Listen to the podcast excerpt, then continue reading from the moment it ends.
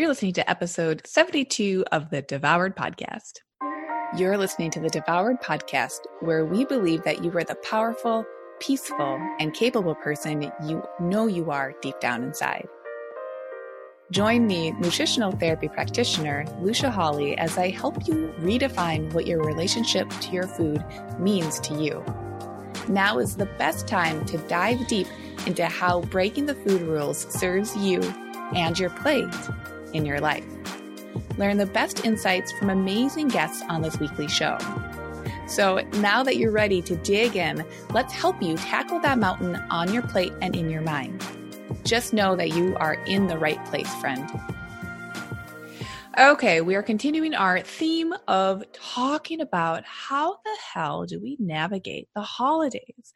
How do we navigate the holidays when it comes to our relationship with food and nutrition and routine? So, today I wanted to focus a bit more on the routine and specifically discipline and commitment because this is where things get sticky for a lot of people. We come into the holiday season, which let's just say that begins on Halloween, and extends through the new year. That's a few solid months right there of our year that we feel like, for the most of us, for most of us, as we think about our routines, that those routines must or they have to fall to the wayside because what do we hear about the holiday season? It, we have lots of commitments. It's financially, a little bit stressful. It's dark. It's dark outside for so many of us. It can be kind of depressing. We can feel isolated or we can feel the burden of being excited, being peppy, being in the holiday spirit. Well, as a self proclaimed Grinch, I'd like you to know that all of those are simply more forms of shoulds. And the shoulds get us down so that we lead our smallest lives. And I, I want to say right here that Listen, I know I haven't had as many holiday seasons as some other people out there. I'm 30. I know that. But the holiday seasons that I have had, the ones that stick out to me the most are the ones where I have felt most like myself.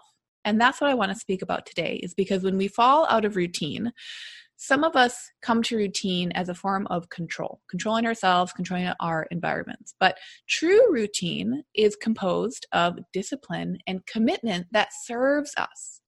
So being disciplined and being committed can fall into the area of being overly rigid, overly restrictive, coming from a place of lack right? We want to control. We don't want to gain that holiday weight. We don't want to look this way in photos. We don't want to give gifts because we feel like we don't have enough money in the bank.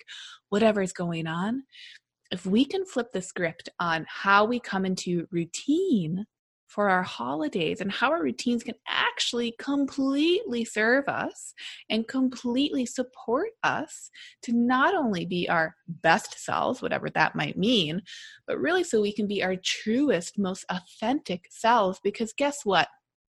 When you shine, that allows other people to shine. And that's a theme that i come back to a lot with my clients is people who are scared of shining because they feel like that if they focus their efforts on creating a life that is so wonderful for themselves they somehow believe that that is going to either negate the lived experiences of other people or that they should then feel guilty if they have this wonderful life that they've worked for they show up to on the daily or that they aren't worthy of living a wonderful life and a life that they enjoy showing up to every day.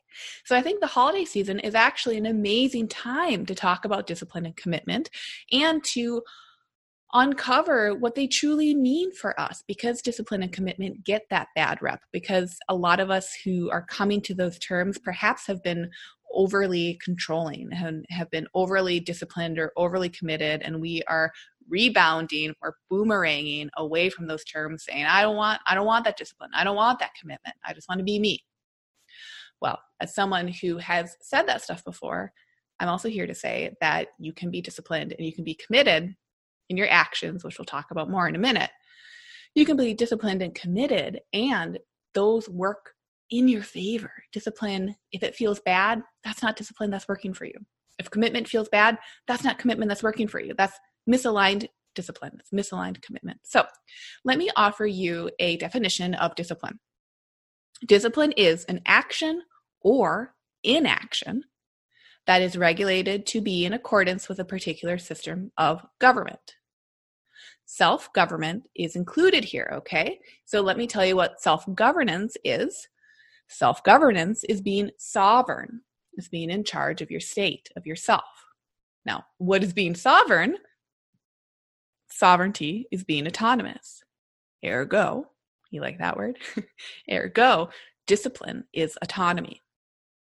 Now, let me move into the definition of commitment. Commitment is an agreement or pledge to do something in the future. Now, this is where our subconscious likes to get tricky with us. Our subconscious will say, the future is later, like whatever, future is after the holidays. You don't have to be committed. Don't talk about it. Listen, dear little subconsciouses, is that the plural of subconscious? Subconsciouses? Listen, the future is now. See those seconds ticking by? You are living your future. So commitment is now, it's not later. And every present moment shifts into a new present moment. Ergo, there's that word again. Ergo, commitment is now. Commitment is not intangible and it's not in the future. It is now. The missing piece to the health and wellness of yourself through the holidays and spoiler, through the rest of the year, is your discipline and commitment to yourself. Because let me reiterate discipline is autonomy and commitment is now.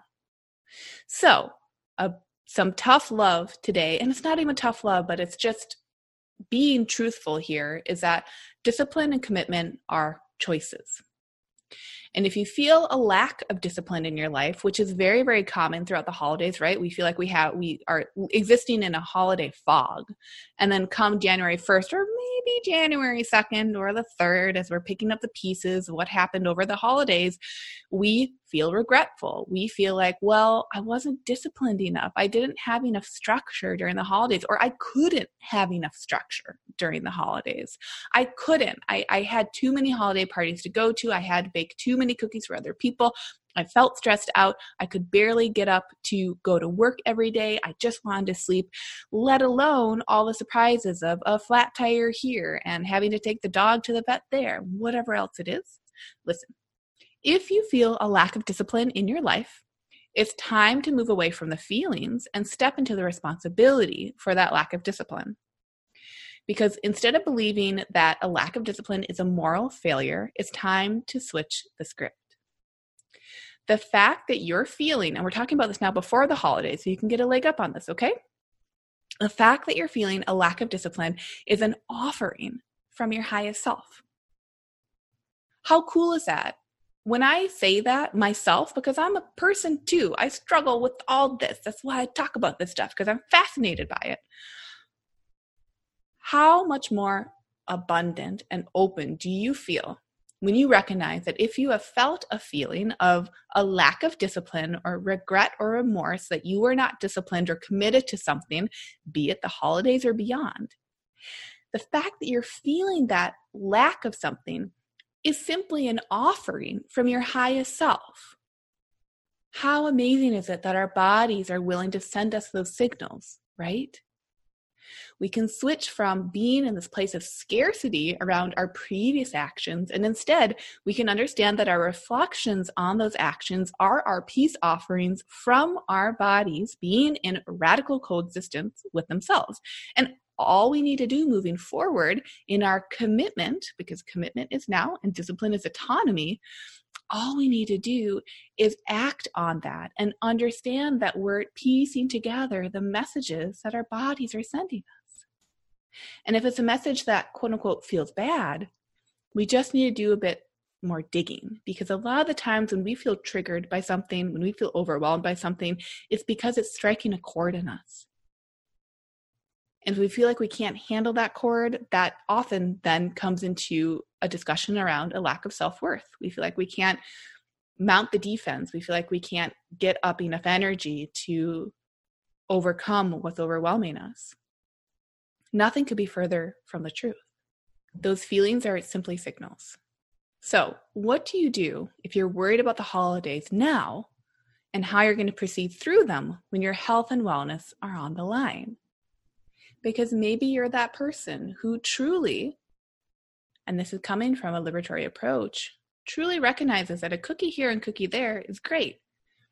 But diving face first into the tray of cookies when everyone else has gone to bed at the end of a holiday party because you're stressed out about what this person said, what that person said, and how that dress fits you, is that really in alignment with your discipline and your commitment to yourself? These are the questions. It, it very well could be. And that's also part of that liberating dialogue that we have to be having. That's why we have these podcast episodes is to get you all thinking what is liberating for myself? Because if these actions keep occurring and I feel like I'm committed to being in the context of these actions,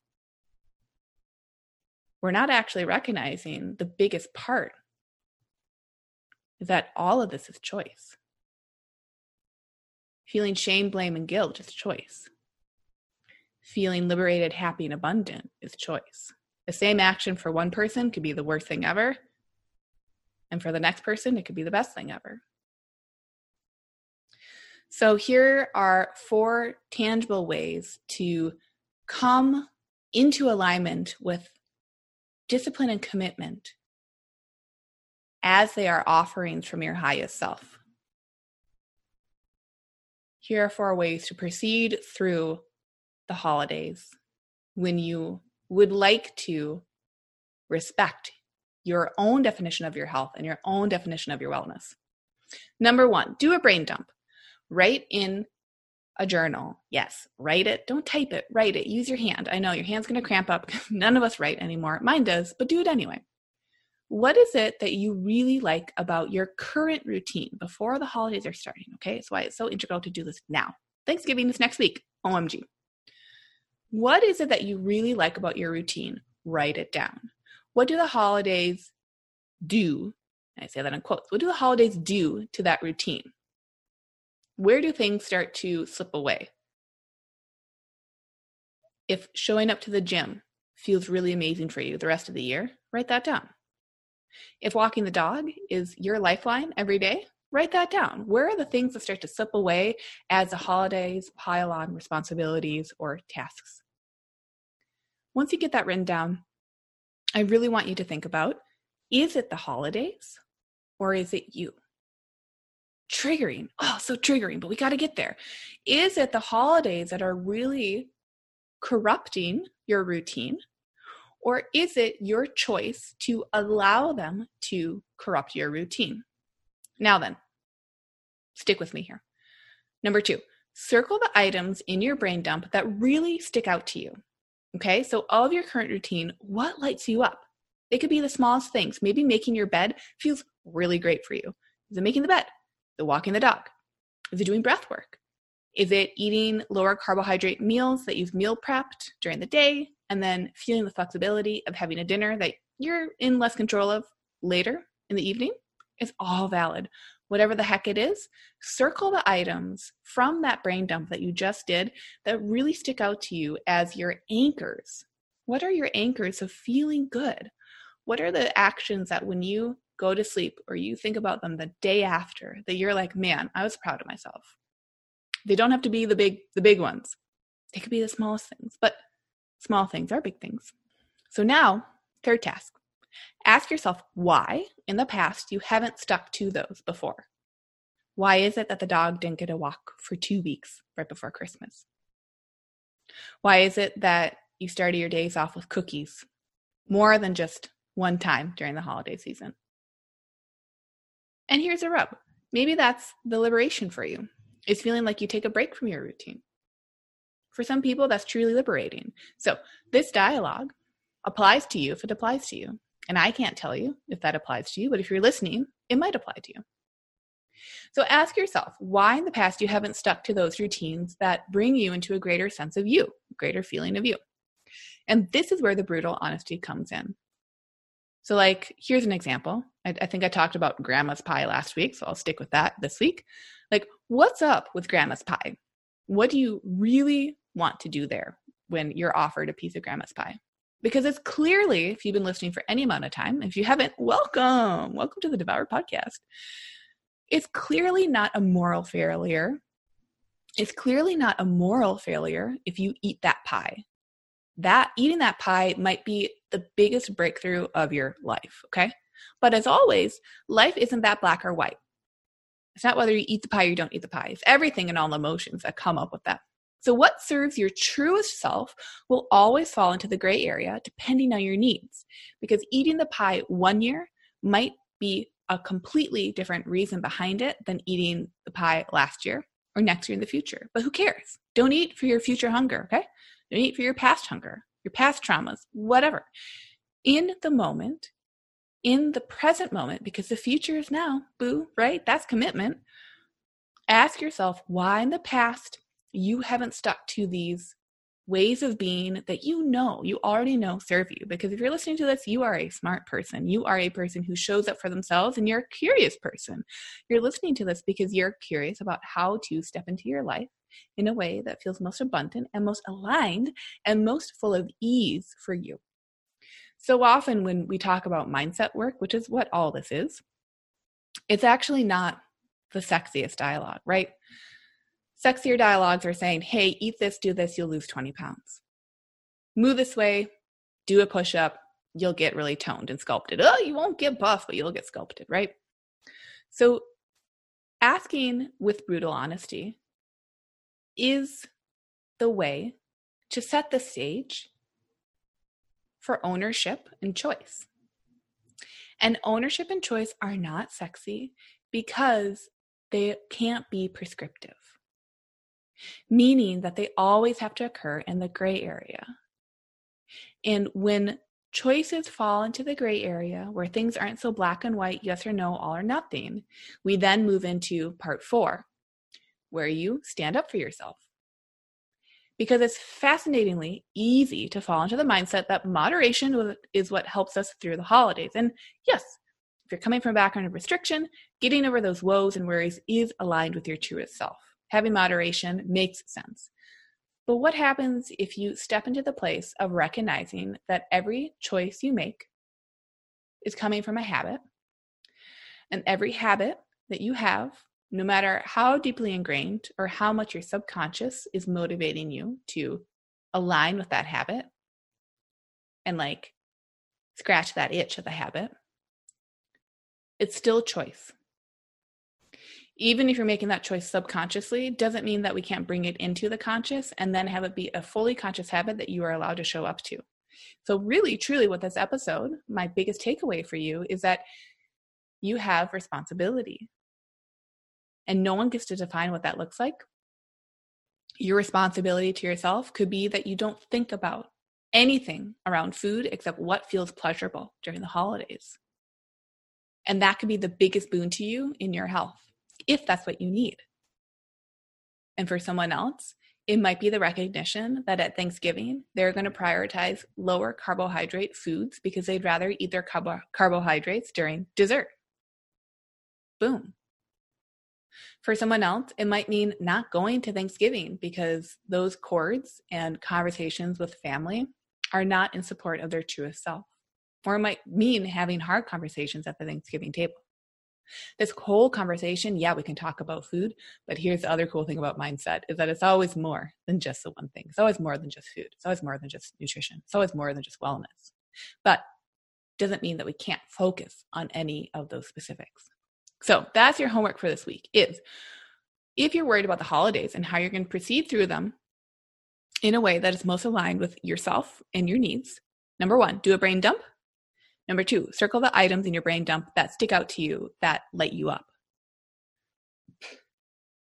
Number three, ask yourself why in the past you haven't stuck to those with brutal honesty. And number four, stand up for yourself. And guess what? Here's my last takeaway. Every time you stand up for yourself, you're practicing standing up for yourself. Every time we practice something, we become competent in that new practice. We become competent at standing up for yourself. Every time we routine competence, competence offers us confidence. So if you haven't been confident in standing up for yourself before, you will be. But you only do it by bringing that into your routine. And the only way you can bring that into your routine is to practice it. So that's my challenge to you this week is before Thanksgiving rolls around, before the holidays come on, where can you stand up for yourself? So thanks so much for listening, and I'll catch you on the next episode of the Devoured Podcast. Thanks for listening to the Devoured Podcast. Jump into the show notes for this episode and all past episodes at devouredpodcast.com. And if you love the show, please take just two minutes out of your day today to leave a review. This helps us so much in spreading the word. Consider also sharing your favorite episode with a friend. Let's get food liberation for all and we'll see you on the next episode.